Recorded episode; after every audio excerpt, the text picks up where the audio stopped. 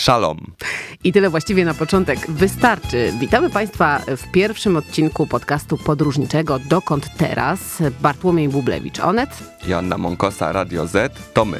I w tym odcinku zabierzemy Państwa do Izraela, który jest zamknięty od początku pandemii. Powiemy Państwu, jak tam pojechać, czy w ogóle można tam teraz pojechać, a na początek na pewno opowiemy Państwu, jak nam się to udało paszport covidowy, zielony paszport, cały czas o tym dyskusja toczy się w Unii Europejskiej, także w Polsce. Są jednak kraje, gdzie takie rozwiązanie już działa i już się sprawdza, między innymi w Izraelu. Jak to działa i kto może z tego korzystać, o tym też opowiemy Państwu w dzisiejszym odcinku. Zapraszamy. Zapraszamy.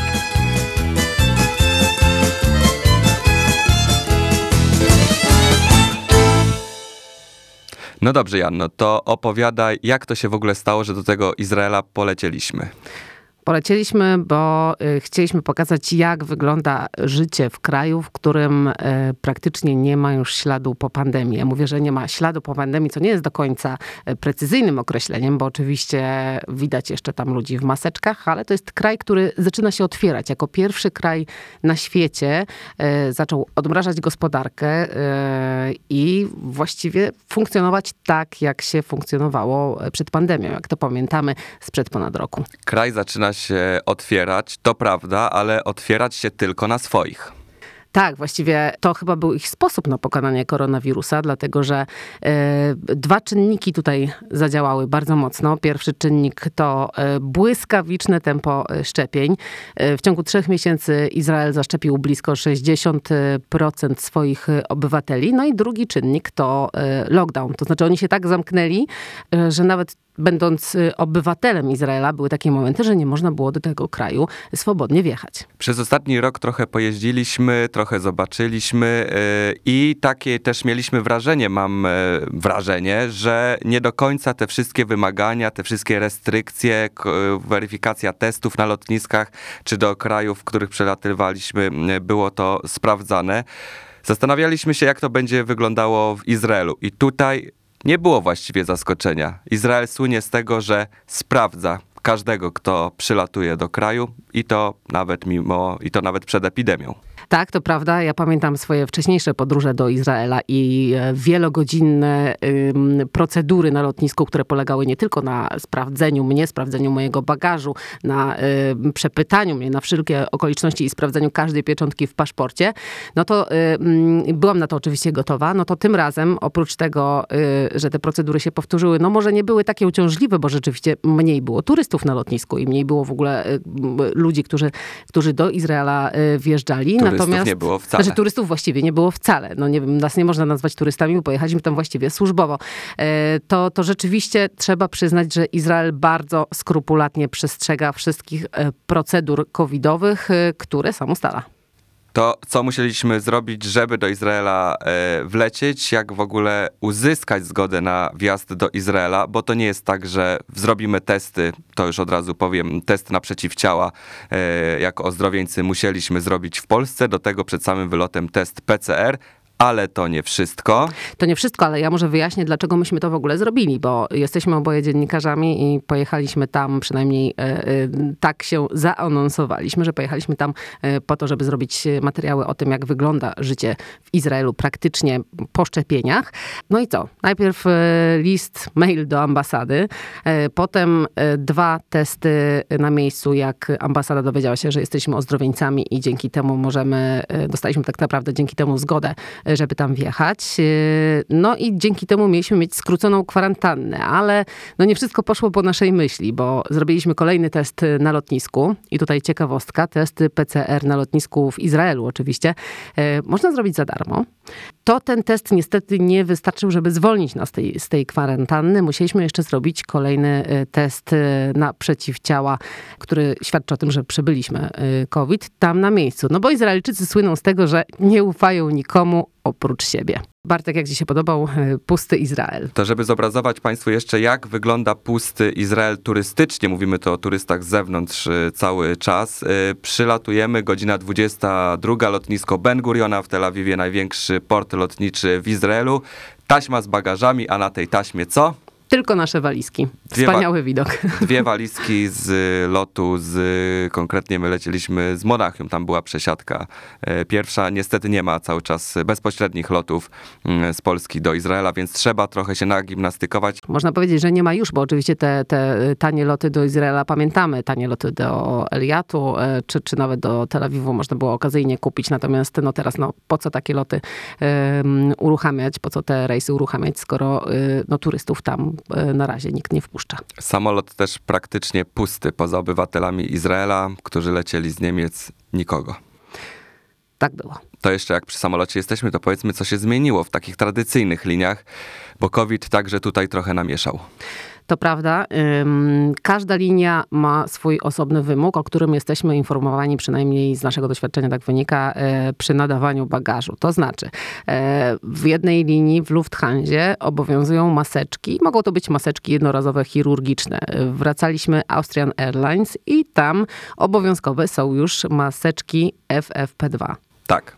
E, także tego bardzo mocno te linie przestrzegają. To prawda. No, linie kombinują jak mogą, wprowadzają często niejasne zasady, zasłaniając się COVID-em. Na pięciogodzinnym locie otrzymaliśmy zimną przekąskę, bo jak poinformowała nas y, stewardesa, no ciepłe posiłki stwarzają zagrożenie e, epidemiologiczne, ale co ciekawe, w biznes klasie już takiego zagrożenia nie stanowią. No dobra, ale jesteśmy już y, w Izraelu, już starczy Lufthansa i Austrian Airlines. Y, wysiedliśmy z samolotu. Pierwsze kroki skierowaliśmy do hotelu, gdzie te kilkanaście godzin jeszcze musieliśmy poczekać na wyniki testów i zwolnienie nas oficjalne z kwarantanny. To właściwie cały czas była taka niepewność, bo Izrael ma listę hoteli, w których te kwarantannę można odbyć, e, przyjeżdżając właśnie e, do Izraela. Ewentualnie mogą być to inne miejsca, które gdzieś tam przyjeżdżający e, wskaże. Naszego hotelu na tej liście nie było, ale pogranicznicy, którzy nas wpuszczali, Y, właściwie na to nie zwrócili uwagi. Było małe zamieszanie, ale w końcu przymknęli oko i w sumie podczas moich, była to moja trzecia wizyta w Izraelu i ten wywiad przed y, opuszczeniem lotniska o dziwo najkrótszy. Oni się po prostu dziwili, y, że ktoś tam przyjechał, który nie, nie jest obywatelem Izraela i nie wiem, nie wraca do rodziny. Więc może wyszli też z założenia, że jesteśmy już tak sprawdzeni przez MSZ, skoro dostaliśmy zgodę i Ministerstwo Zdrowia, że już nie ma sensu zadawać zbędnych pytań. A może po prostu sympatycznie wyglądamy. Być może. To już zostawiamy do oceny Wam, drodzy słuchacze. Zapraszamy na naszego Instagrama, podcast Dokąd Teraz. Tam wrzucimy na pewno parę zdjęć z naszej podróży, żebyście mogli też zobaczyć, jak ten powrót do normalności w wersji izraelskiej, po-covidowej e, wygląda. Co Cię, Bartek, najbardziej e, zaskoczyło, jeżeli chodzi o, o ten Izrael i o to, jak wygląda tam codzienne życie? Zaskoczyłem sam siebie, bo myślałem, że nie można odzwyczaić się od tego, do czego byliśmy w sumie przyzwyczajeni przez całe życie, czyli do tłumów ludzi, e, do gwaru, do ścisku, do otwartych restauracji, do otwartych e, barów, do tego wszystkiego, co sprzed pandemii pamiętamy. A jednak dziwne takie uczucie mm, towarzyszyło, gdzie wchodziliśmy tak. na bazary, gdzie było pełno ludzi. Z lekkim dystansem, bo też nie, nie do końca byliśmy pewni, czy my też możemy. No przecież nie jesteśmy y, zaszczepieni, a tam tak naprawdę przepustką do tego, żeby wejść e, do baru, usiąść przy stoliku w środku, co ważne i o tym za chwilę, e, jest covidowy paszport. No i o ten covidowy paszport spytaliśmy kilku ludzi na ulicy. No i to wygląda banalnie. To jest po prostu aplikacja, kod QR i zielony kwadracik, który, który po prostu ten kolor świadczy o tym, że zostaliśmy zaszczepieni. No i obowiązkiem na przykład właściciela restauracji czy baru jest Y, sprawdzenie takiego paszportu przed wejściem. Czy tak się dzieje? Nikt nas o zielony paszport nie zapytał. Może znów wzbudzaliśmy zaufanie i wyglądaliśmy po prostu na szczęśliwych, zaszczepionych Izraelczyków. To chyba nie do końca to, y, bo pytaliśmy również y, mieszkańców Izraela i oni mówią, że rzeczywiście nie do końca ten paszport wszędzie jest y, sprawdzany. A może to była też ta taka atmosfera tego pierwszego tygodnia, gdzie wszystko jest otwarte, gdzie, gdzie ludzie świętowali. No, oni świętowali nie tylko to, że wszystko zostało otwarte, bo myśmy byli dosłownie tam kilka dni po tym, jak jak Izrael się e, otworzył wewnętrznie. Oprócz tego byliśmy tam też podczas Pesach, e, czyli Paschy, jednego z najważniejszych e, żydowskich e, świąt. Nazywanego także świętem wolności. I ta wolność w tym roku faktycznie się skumulowała na ulicach Tel, Tel Awiwu czy Jerozolimy i było to zdecydowanie odczuwalne.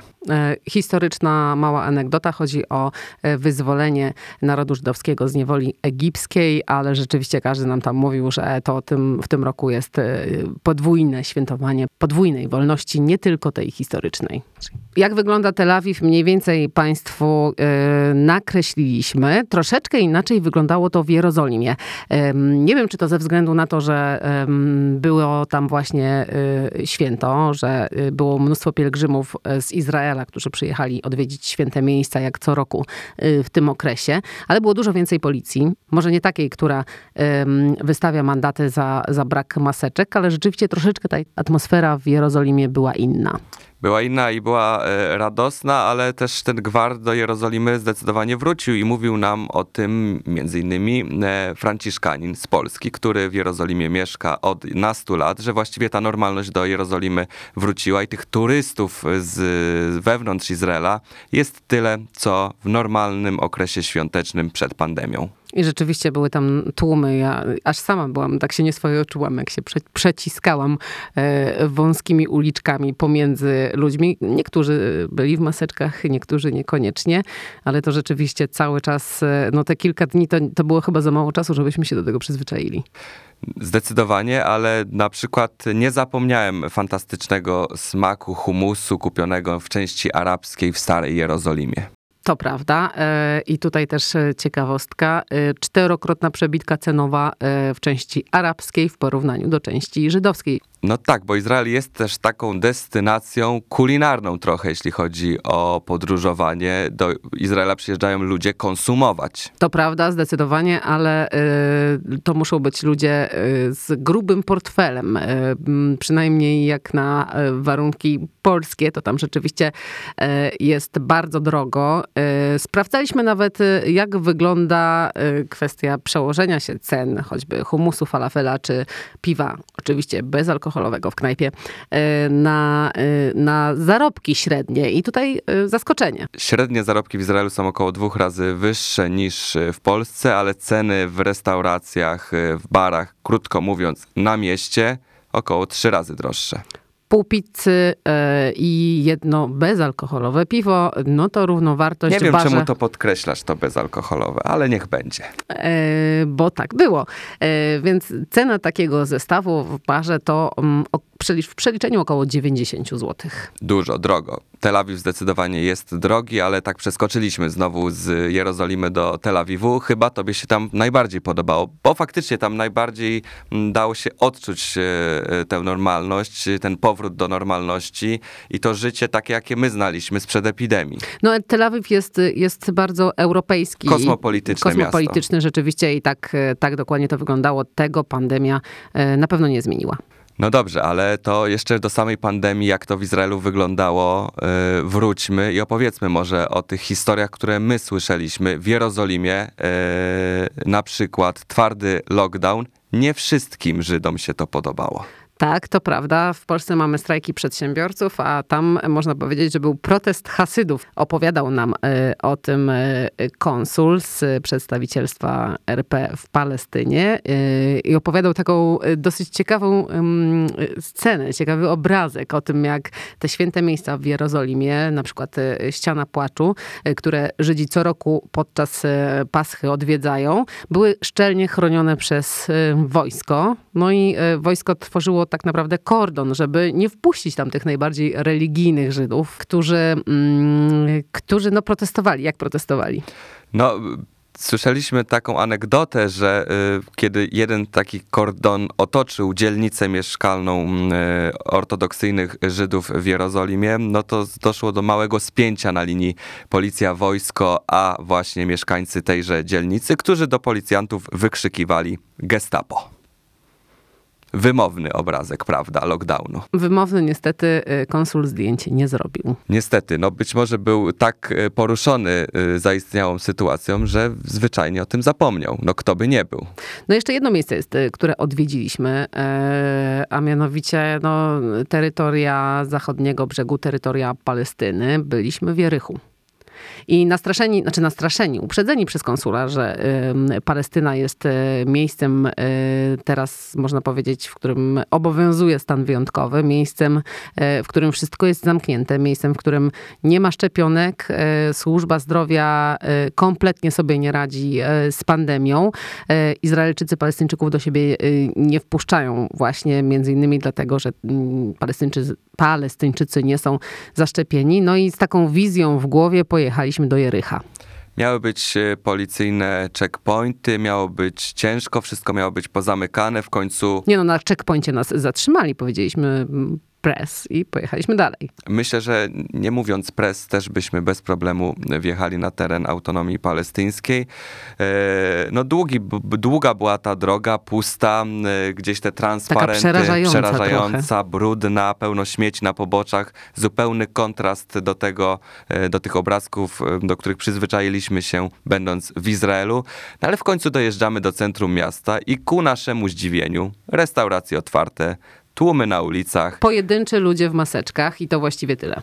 ten gwar Bliskiego Wschodu właściwie poczuliśmy dopiero w Jerychu. Tak, stragany otwarte, y, jedzenie na ulicach y, sprzedawane, y, samochody w korkach, każdy na siebie trąbi.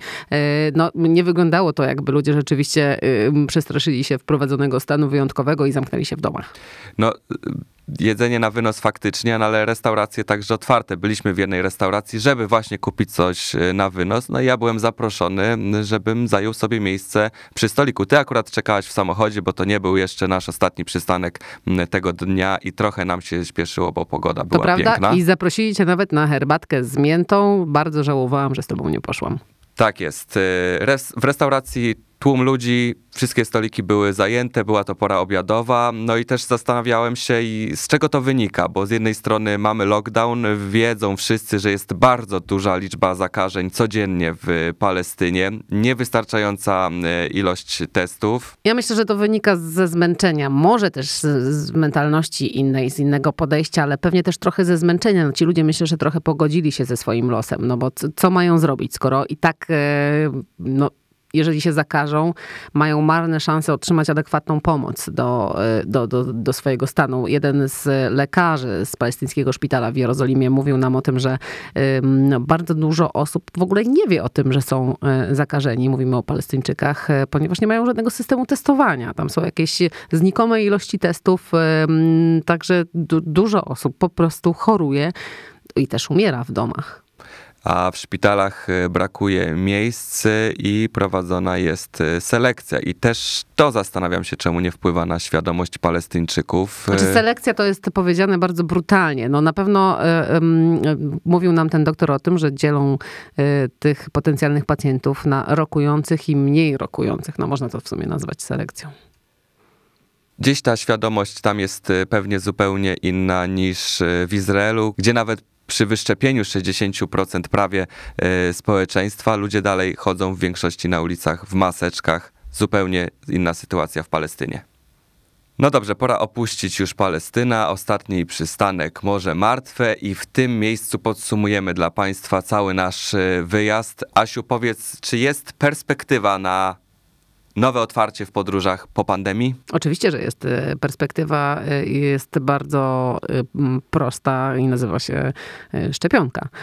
Natomiast jeżeli chodzi o otwarcie Izraela, to też rzeczywiście pewnie nasuwa się wam pytanie, kiedy do tego Izraela będzie można na ten humus i na to słońce i na to morze pojechać. No, mówi się o czerwcu, ale na jakich zasadach, tego jeszcze tak naprawdę nie wiadomo. Czy to będzie rzeczywiście podróż tylko dla zaszczepionych lub e, ozdrowieńców? Pewnie no bo, tak, bo trzeba, bo trzeba też y, zaznaczyć, że zielony paszport, o którym mówiliśmy, dostają nie tylko zaszczepieni, ale także ozdrowieńcy, którzy mają przeciwciała. Te szczepienia w Polsce idą e, faktycznie coraz lepiej, więc e, coraz większe grono osób będzie uprawnione, zaszczepionych czy ozdrowieńców e, do ewentualnej podróży w czerwcu do Izraela. Zapewne tak będzie właśnie, że przepustką do podróżowania po Izraelu czy po innych krajach, także Dalekiego Wschodu, Bliskiego Wschodu, będzie właśnie szczepienie albo przeciwciała. To prawda, a jeżeli chcecie pojechać gdzieś bliżej, to też nie bójcie się, bo się da. Trzeba po prostu robić testy, no i tak naprawdę próbować.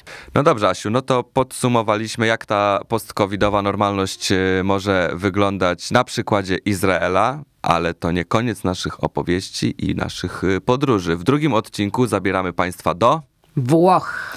Ależ to będzie podróż. Buongiorno fiesta. Frutti di mare. Tak będzie to wyglądało, ale więcej nie zdradzimy. E, także dokąd teraz odpowiedź brzmi na razie Włochy. Zapraszamy Państwa na kolejny odcinek. Joanna Monkosa, Bartłomiej Bublewicz. do usłyszenia.